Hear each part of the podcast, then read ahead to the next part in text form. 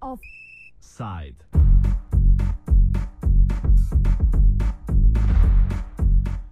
V OFU smo poročali o težko pričakovani akciji brazilske vlade, s katero želi ta omogočiti preživetje ene od najbolj ogroženih staroseljskih skupnosti v porečju Amazonke, skupnosti Avajcev. Brazilski staroseljci sicer predstavljajo pol odstotka od skoraj 200 milijonov prebivalstva te hitro razvijajoče se države, oblasti pa so jim zagotovile eksistenco in pravico do upravljanja 13 odstotkov državnega ozemlja.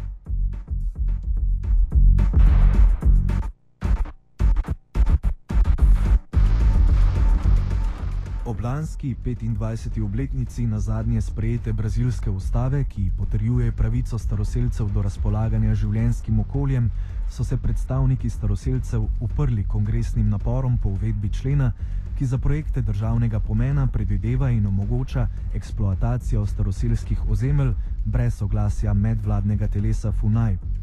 To je eno redkih vladnih teles v kateri koli državi na svetu, ki je zadolženo za zaščito staroseljskih skupnosti v odnosu do drugih plemen in večinskega prebivalstva. Staroseljce namreč skrbijo morebitne posledice, saj menijo, da bi kongres hitreje klonil pod ekonomskimi pritiski energetskih, rodarskih, kmetijskih in drugih lobijev ter njihove projekte zato spoznal kot širše javno dobro.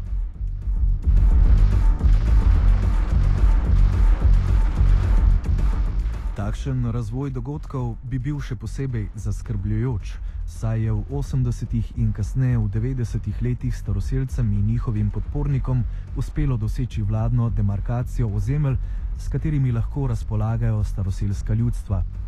Staroseljci in strokovnjaki bi si sicer želeli večjo površino ozemelj, a so tudi dosedanje poteze oblasti pomenile nemajhen korak za njihovo zaščito. Tudi zato, ker se je na vkljub črnilu na papirju nadaljuje zakonito in še večkrat nezakonito izkoriščanje naravnih virov na teh ozemljih, običajno povezano z nasiljem nad prvotnimi prebivalci.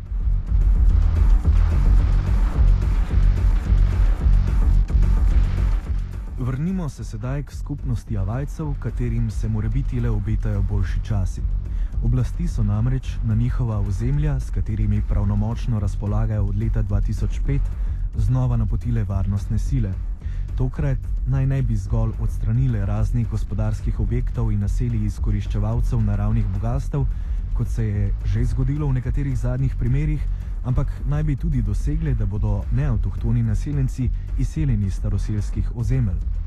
Slednji so namreč še tri leta nazaj trdili, da vajci sploh ne obstajajo več. Staroseljci so se odzvali s kampiranjem pred državnimi ustanovami, CIMI, brazilska nevladna organizacija, ki se zauzema za pravice staroseljcev, pa je lansirala kampanjo s sloganom Obstajamo.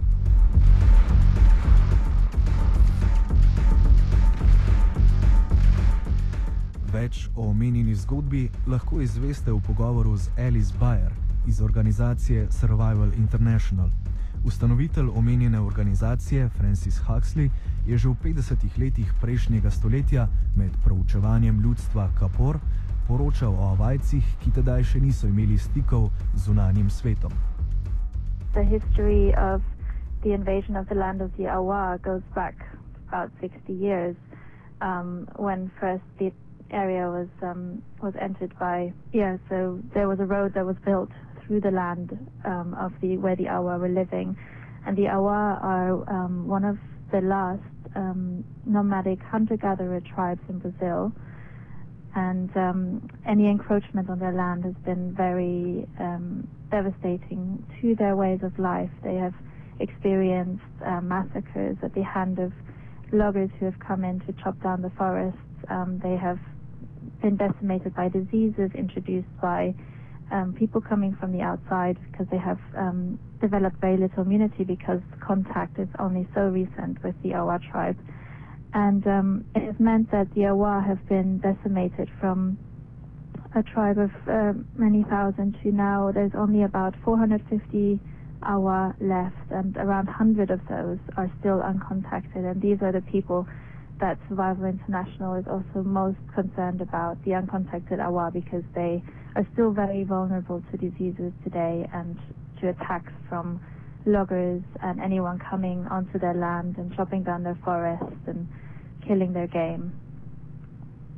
Yes, uh, it's been uh, quite a long process for the government of Brazil in, uh, to give the Awa people uh, uh, their land back. Um, it's been going on, if I understand correctly, since the 70s or at least the 80s, and there's been Uh, well a lot of negotiations there. Uh, how much uh, and well how much land is now in the hands of Awa? Well, theoretically, since we know that we wouldn't be talking today if uh, it would be uh, also uh, only in their hand in, in truth. but could you explain the process of establishing this area and how much in reality, not, not in reality, but at least um, um, on the paper is demarcated for the use of the Awa people? Yeah, so the Awa have um, four territories that are recognized as indigenous territories. And one of the territories is the one that has, um, even though it is protected and it comprises 118,000 hectares, um, it has already been uh, cut down, so the deforestation has already affected over a third of that territory, and this is also the one that um, food, that the Brazilian government has now sent um, an evictions team to evict people who are in, in the territory, the Awa territory. So there's been a few moves from the Brazilian government to protect um, the land of the Awa, um, but unfortunately, even though on paper the land is protected, um, there's still thousands of illegal loggers and settlers and ranchers on the land, um, cutting down the forest and, like I said, threatening um, the Awa who live there, especially the uncontacted Awa. Now, in the past, uh, the, the, the, the uh, repressive uh, uh forces of Brazil have already entered this area, They have destroyed uh, sawmills, etc., but they have not removed the people operating them themselves.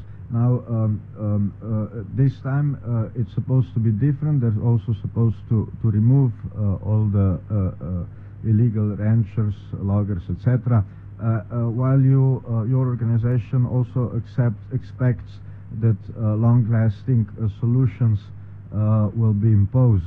Um, what kind of long-lasting solutions do you foresee will take place or has, have already been um, uh, uh, well uh, spoken about by the Brazilian authorities. Yeah, so as you say, um, last year the Brazilian government sent some ground forces to remove um, sawmills and close down sawmills from around the land of the. But what is happening now is that they are actually telling people who are inside the territory that they have to leave, and we also expect them to soon move in to remove the loggers who um, aren't necessarily residing inside the reserve, but they're still cutting down um, the forest, which is the you know the biggest threat to to the Awa, the loss of their forests, which they rely on for their livelihoods. Um, so, Survival International has welcomed this first step of the government to notify the settlers and the ranchers that they will have to leave within 40 days and is also urging the illegal loggers to be evicted as soon as possible so that the deforestation is stopped because that is the main threat to the Awa. Um, and we're also asking for a permanent solution. So we were asking for permanent guard posts to stop anyone to go into the territory of the Awa and to make sure that this is actually enforced, that there are people on the ground who can protect the territory and actually monitor what is going on long term and ensure that the Awa have their forests um, for for the future for their survival. Uh, can you also speak about uh, uh, the problems the people have, the Awa people have uh, with uh, all these, um, well, foreigners or whatever uh, arriving to their land? Um, of course, they, they lose the ground for hunting.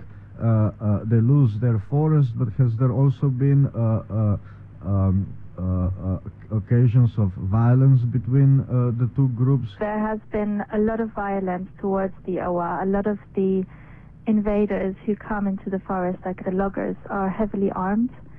And often, when they see an Awa, what has happened in the past is that they have um, tried to kill them, they have shot at them, um, and have attacked them to intimidate them to get to make them leave um, that area of the forest. And we have a very moving account from one man who um, who saw his entire family massacred um, by by these invaders. Um, he he witnessed this firsthand. He he then fled into the forest and he lived there for 10 years on his own, scared to meet anyone else because he was so traumatized from what he had seen. Um, and this the name of this man is Karapiru. We have um, a very moving account of, of his story on our website as well, if you want to read it up. Um, and he lived on his own for 10 years and fled anyone um, who came close to him. And then eventually um, he did start making contact with with a local farmer, and um, it has quite a, a happy ending in the end. He he realized that um, one of his sons had also survived the massacre. He was reunited with his son, and he has since um, started to rebuild his life again in one of the Awa communities. But Karapiru's story is not, um, is unfortunately an example of many other massacres that have occurred on the Awa and which is, you know, which have decimated the Awa to, um, to such an extent that there's now only about 450 of them left. And so we've heard uh, current accounts of Awa as well who say they are too scared now um, to go into the forest to hunt because um, there are the loggers there who are armed and who will attack them. So that is one one of the main concerns is that these um, loggers who are often violent and armed are removed from the Awa so that they can go feel safe again in their forests and go and hunt, which is their main means of survival is to hunt and gather. But if they're too scared to go into the forest, they um, they find it difficult to find food and to survive. Illegal uh, uh, miners, illegal loggers, uh, ranchers, etc., are being blamed uh, uh, for what's happening uh, to this and other tribes. Can you please explain to us um, how much Uh, uh, problems are these tribes facing by the legal uh, deforestation, by the legal ranchers, by the legal miners? Uh, and also uh, how uh, okay these are, these are the two groups and also how do these so-called illegal ranchers and loggers etc being able to uh, pursue their economics in the uh, in the legal uh, business afterwards. I mean, if they're legal ranchers, where where do then they sell their meat and, and, stuff like that? If you can, please explain this when you say um, sometimes the distinction between legal and illegal is a bit difficult because um, very often it's a matter of um, enforcement or recognition of of rights. So very sometimes a an indigenous territory um, is legally supposed to be protected, but there's still activities going on um, because there's very powerful interests involved that override the the law. So, for example, um, there's another tribe in the south of Brazil, the Guarani. They suffer from the loss of almost their entire land, um, even though they their land is recognized as indigenous. It has not been legally demarcated. So anyone operating um, on their land can claim that you know they are doing nothing illegal, but actually under international law it is illegal because the land is um, indigenous and is belongs to the Guarani and has done so for for hundreds of years. Um, so sometimes the distinction between legal and illegal is quite difficult to make.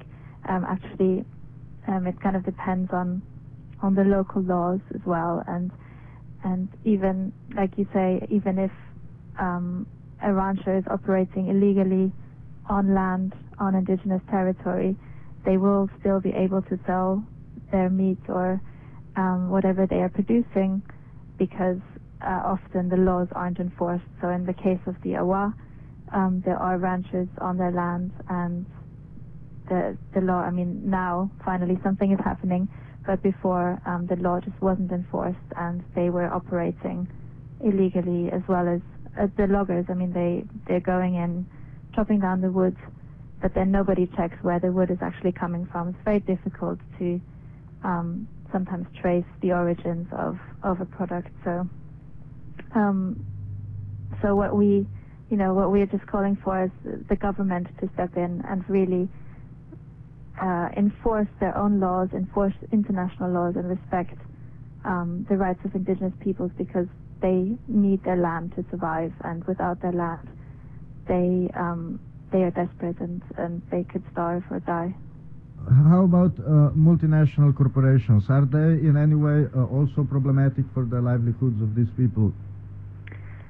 There are definitely several cases where multinational corporations um, are a threat to indigenous rights. Like I just mentioned, the Guarani tribe in Brazil in the south, um, their land is being taken in order to make way for soya um, plantations and sugarcane plantations, which are often the sugarcane is then turned into biofuels. And we know of, for example, there's a an American organization, Bunge, who um, is buying um, is buying sugarcane from land that is claimed by the Guarani.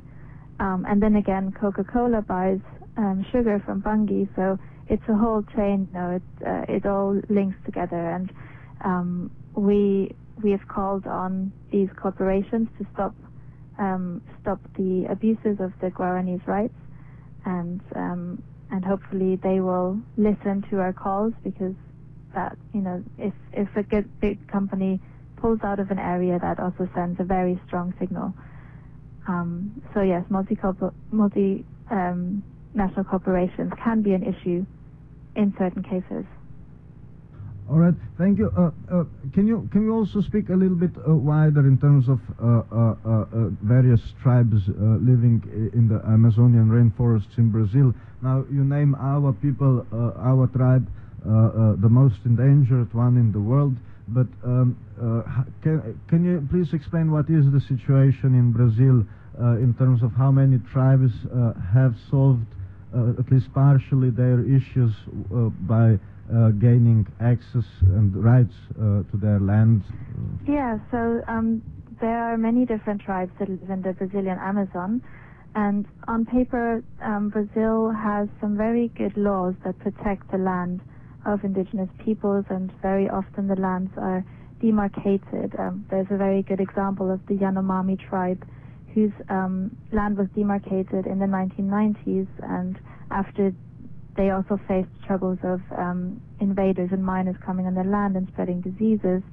Their population has now recovered. Um, they're doing quite well. They still face some issues. They still have invaders on their land, but um, overall, they um, they are doing quite well. And there's also um, several other tribes that have their land protected. Um, but at the same time, um, what Survival International is also raising awareness at the moment, especially now ahead of the World Cup um, coming up this summer, um, and so much attention is on Brazil. Everybody's talking about Brazil.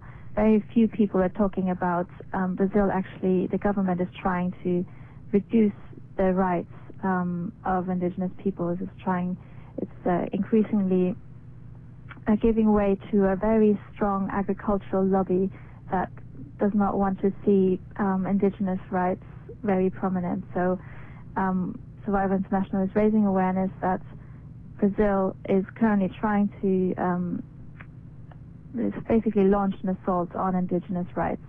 And we urge anyone um, who's thinking of going to Brazil this year to read, go to Survival's website and read about what is actually going on in terms of indigenous rights and um, in terms of the assault that the Brazilian government has started on um, on the rights of, of Brazil's uh, indigenous tribes, especially in the Amazon region. And you know, a, we often see that indigenous areas are very um, uh, very well looked after in terms of the um, ecology and the, the nature, indigenous reserves are often have the most um, forest cover and indigenous people, you know, they depend on their environment, so they really look after it. So um, reducing indigenous people's rights in that way is an assault not just on human rights, but also on, on the environment and the Amazon rainforest, which is so um, crucial to to the entire world, you know.